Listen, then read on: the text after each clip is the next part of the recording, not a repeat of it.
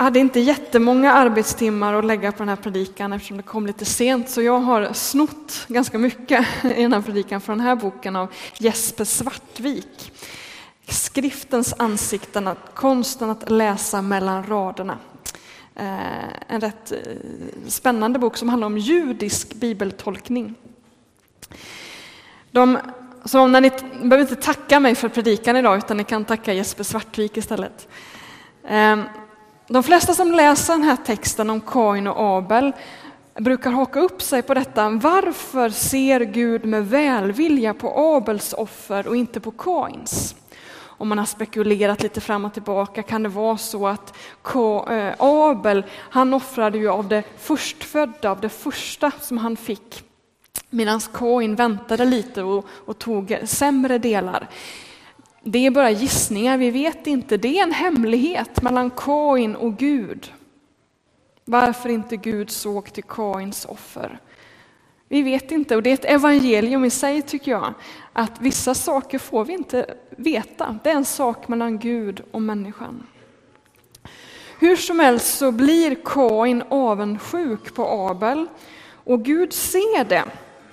Eh, Gud ser att Kain sänker blicken Eh, han blir mörk, någonting händer med hans ögon, hans sätt att betrakta världen.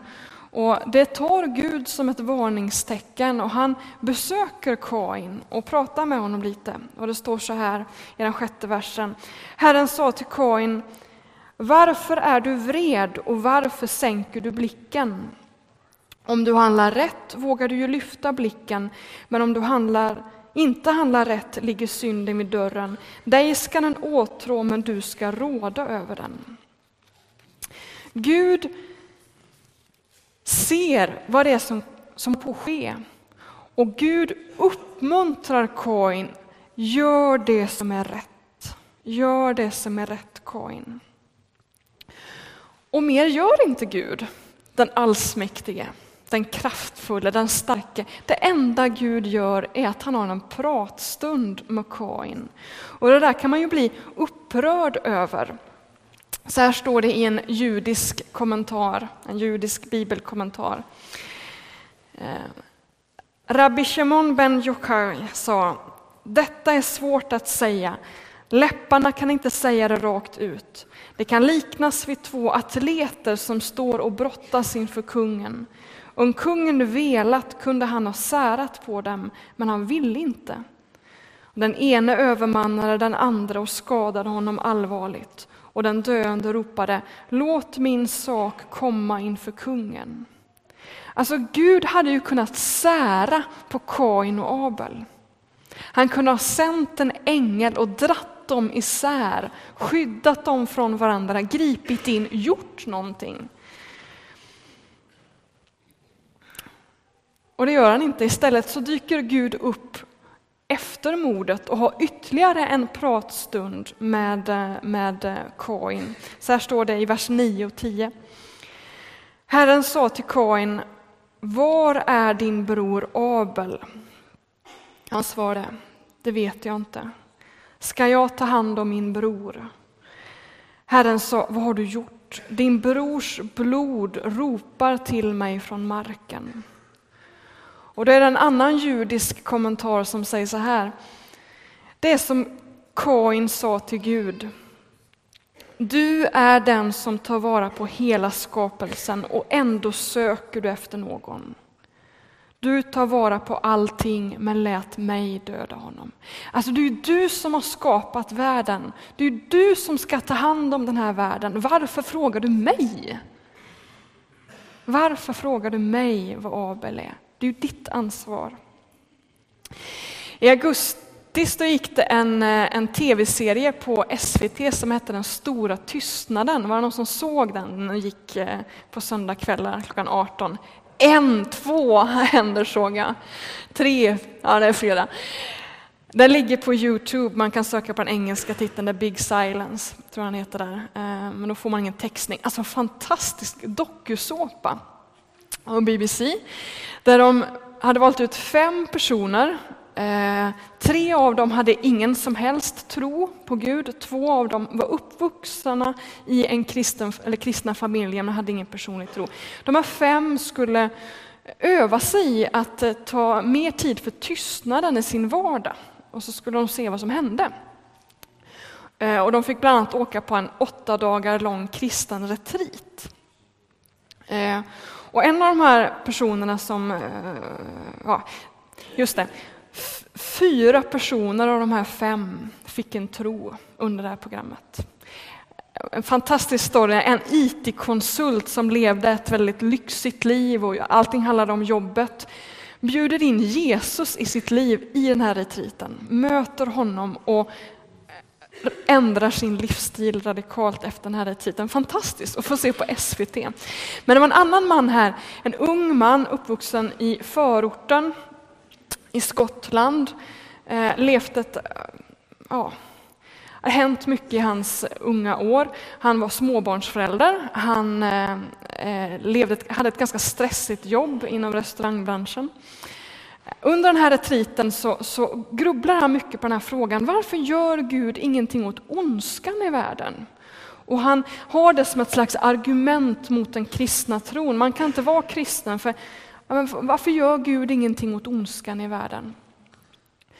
Eh, och han bestämmer sig att att han ska prata med det, och, och eh, träffa en präst på den här retriten och, och prata om det här. Och han ställer den frågan, varför gör inte Gud någonting åt ondskan i världen? Och den här prästen väljer att inte svara på den frågan, utan han ställer en annan fråga. Vad har du gjort åt ondskan i världen? Och så skiljs de åt och så får han 24 timmar av tystnad att meditera över den frågan. Vad är det jag har gjort? Och där händer det någonting. En tro föds i hans liv, vilket leder till att han också säger upp sitt jobb efter retriten för att hitta ett annat jobb som ger honom en större möjlighet att ta tid för den processen. Att söka Jesus i det. Vad har du gjort åt ondskan i världen? När Gud skapade människan står det så här i skapelseberättelsen, första Mosebok kapitel 2. Herren Gud tog människan och satte henne i Edens trädgård att bruka och vårda den. Alltså Gud har skapat människan för att hon ska bruka och vårda skapelsen och ta hand om sin nästa. Alltså Gud har gett oss det uppdraget. Vi kan inte skylla på Gud när det går åt pipan. Vi bär faktiskt ett ansvar själva för den här världen som Gud har gett oss att vårda. Så när Kain frågar, ska jag ta hand om min bror? Ska jag ta hand om min nästa? Så är ju svaret ja. Jag har skapat dig för att du ska ta hand om din nästa. För att du ska ta ditt ansvar. Det stod att Gud sa att han hade hört hur Abels blod hade ropat från marken. Och då har de judiska bibelkommentatorerna uppmärksammat att blod står i plural. Står i plural. Och då säger en rabbin så här, kom upp på väggen. När en människa dräps är det som att hela världen gick under. Men även det omvända gäller. När en människa räddas är det som hela världen räddas. Den här meningen finns på en minnesstenen i Jerusalem som är rest efter Raoul Wallenberg. Alltså när man dödar en människa så tar man också död på den människans barn, barnbarn. Det är som att hela världen går under när man dödar en människa. Men det omvända gäller också, när man räddar en människa så skapar man möjlighet för så mycket liv. Alltså det lilla vi kan göra kan bära sån oerhörd frukt. Det kan se litet ut, men det kan få oerhört stora konsekvenser. Alltså det är ju fel att säga att Gud inte gjorde någonting åt situationen med Kain och Abel. Han hade ju faktiskt en pratstund där med Kain där han försökte säga till Kain, ta makt över din vrede. Ta makten över din vrede. Eh, så här stod det i den sjunde versen, eh, och den är lite knepig att översätta. Så här står det i Bibel 2000.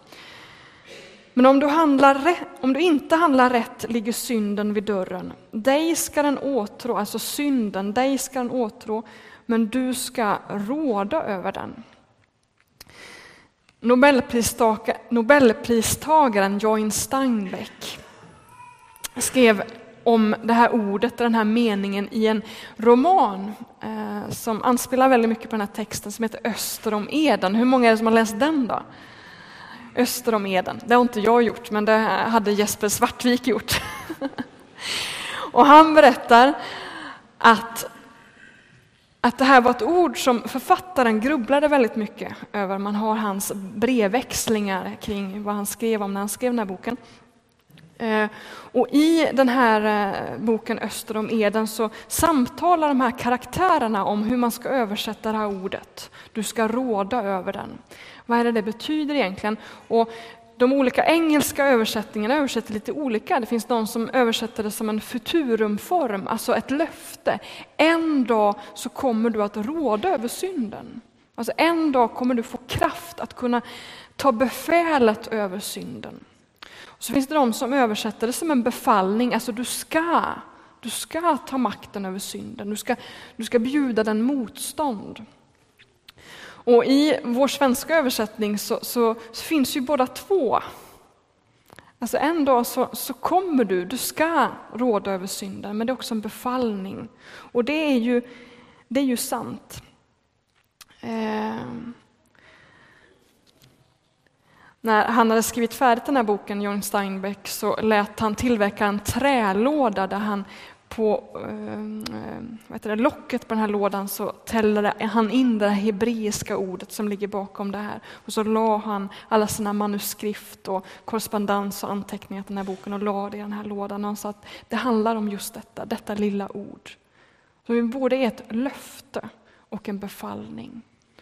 Och så är det ju. En dag så kommer Jesus komma i sin härlighet och dra ner paradiset hit till jorden. Och vi kommer då att ta befälet över ondskan i våra egna liv. Alltså det är ett löfte. En dag kommer vi att kunna stå emot synden. Men vi ska ju inte i passivitet vänta på det paradiset. Vi ska ju försöka dra ner det paradiset hit till jorden här och nu.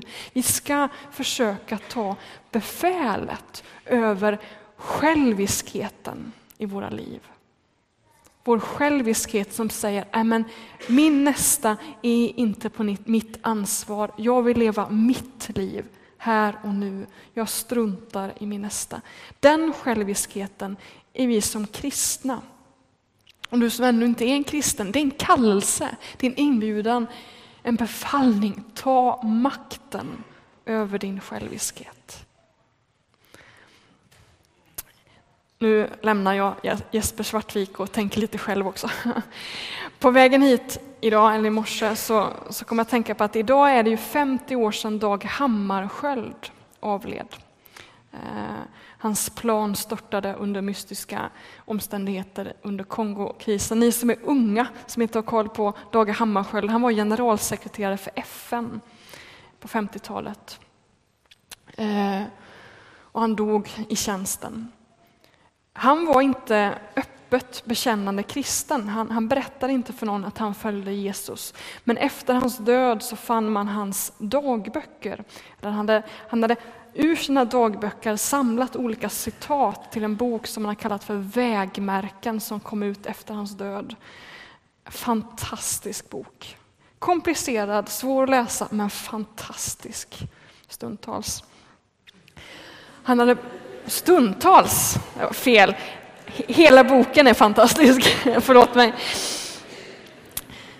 Men visst, vissa sådana här citat som, är, ja, som fastnar, och ett sådant citat som, som jag tänkte på när jag cyklade hit och som jag levde med ganska mycket för några år sedan. Och nu har jag tagit ur minnet, så jag är inte helt säker på att det är helt korrekt, men något i den här stilen. Att älska sin nästa för att rädda sitt anseende. Eller att älska sin nästa för att rädda sin själ. Alltså att det är skillnad på att älska sin nästa för att rädda sitt anseende och att älska sin nästa för att rädda sin själ. När jag gick på missionsskolan och läste teologi så hade vi suttit och pratat om den här liknelsen, den barmhärtige samariten. Och så skulle jag cykla hem eh, och så ser jag på vägen framför mig på cykelbanan går en man som jag kände till och vi hade pratat en del förut. Och det var en person jag, som jag visste var i behov av hjälp men som jag inte inte hade någon lust att träffa. Så jag tänker, jag cyklar över på andra sidan. Ni som kan den här berättelsen vet att det är så man inte ska göra. Man ska inte gå över till andra sidan. Och det slår mig just det, men så här kan jag ju inte göra. Eh, så att jag tar riktning rakt fram och kommer i samspråk med den här mannen och det slutar med att jag bjuder hem honom på middag. Eh, och vi sitter där och till slut så säger han så här, Eleanor, du behöver inte vara med mig för att vara snäll. Och det gjorde ont. Du behöver inte vara med mig för att vara snäll. Och det där visar ju att det är en stor skillnad på vilket sätt man älskar sin nästa. Alltså vi i frikyrkan är experter på att vilja vara snälla. Och det är bra. Men det är en skillnad på att älska sin nästa för att rädda sitt anseende, att i andras ögon försöka vara en god människa. Och att älska sin nästa för att rädda sin själ. Alltså det som händer med Kain, när han i sin själviskhet och vrede tar död på Abel, är att han blir rotlös och rastlös. Abels blod förgiftar den här världen, jorden, som gör att Kain får ett, ett förpestat liv. Det händer någonting med oss, det händer någonting med den här världen när vi handlar utifrån vår själviskhet. Om vi ska rädda oss själva och den här världen så måste vi bryta det. Så måste någonting hända med vårt hjärta. Älska sin nästa för att rädda sin själ. Första Johannesbrevet handlar väldigt mycket om detta med kärleken till nästan. Och Johannes säger så här, du måste bekänna din synd. Du måste bekänna din synd, du måste bekänna din kärlekslöshet, din själviskhet. Då kommer Guds förlåtande kraft över våra liv. Det är sant. Men så säger Johannes, när du sen går ut och ser din bror som lider nöd och stänger ditt hjärta för honom, då kan inte Guds kärlek förbli där. Alltså när vi bekänner vår synd, då öppnar vi, öppnar vi upp vårt hjärta för Guds förvandlande kärlek. Men när vi sen väljer att inte handla efter den, så förtvinar den. Alltså vi behöver göra båda sakerna. Vi behöver bekänna vår synd, få Guds förlåtelse, leva i den. Men vi måste också öva oss i att älska vår nästa. Vi måste öva oss i att älska vår nästa för att rädda vår själ, för att rädda det som är trasigt. Frälsning handlar inte bara om att komma till himlen när man dör. Det handlar om att frälsa denna värld och vårt hjärta från själviskheten. Och då måste vi gå till Gud regelbundet, bekänna vår själviskhet, ta emot det här tecknet på pannan som är ett kors och gå ut i världen och försöka älska. Dag Hammarskjöld var en, en man som, som gav sitt liv till FN. Han gjorde sitt yttersta för att försöka ta hand om sin broder, för att ta hand om mänskligheten. Han gav sig totalt till den tjänsten i det yttre. Han övade sig i att älska sin nästa, ta sitt ansvar och leva som Jesus i den här världen. Men han brottades också väldigt mycket med sitt inre, vad som fanns här inne. Och vi ska göra båda sakerna. Vi ska älska vår nästa med våra händer och med våra fötter. Och vi ska också be till Gud Gör någonting här inne. Gör någonting här inne.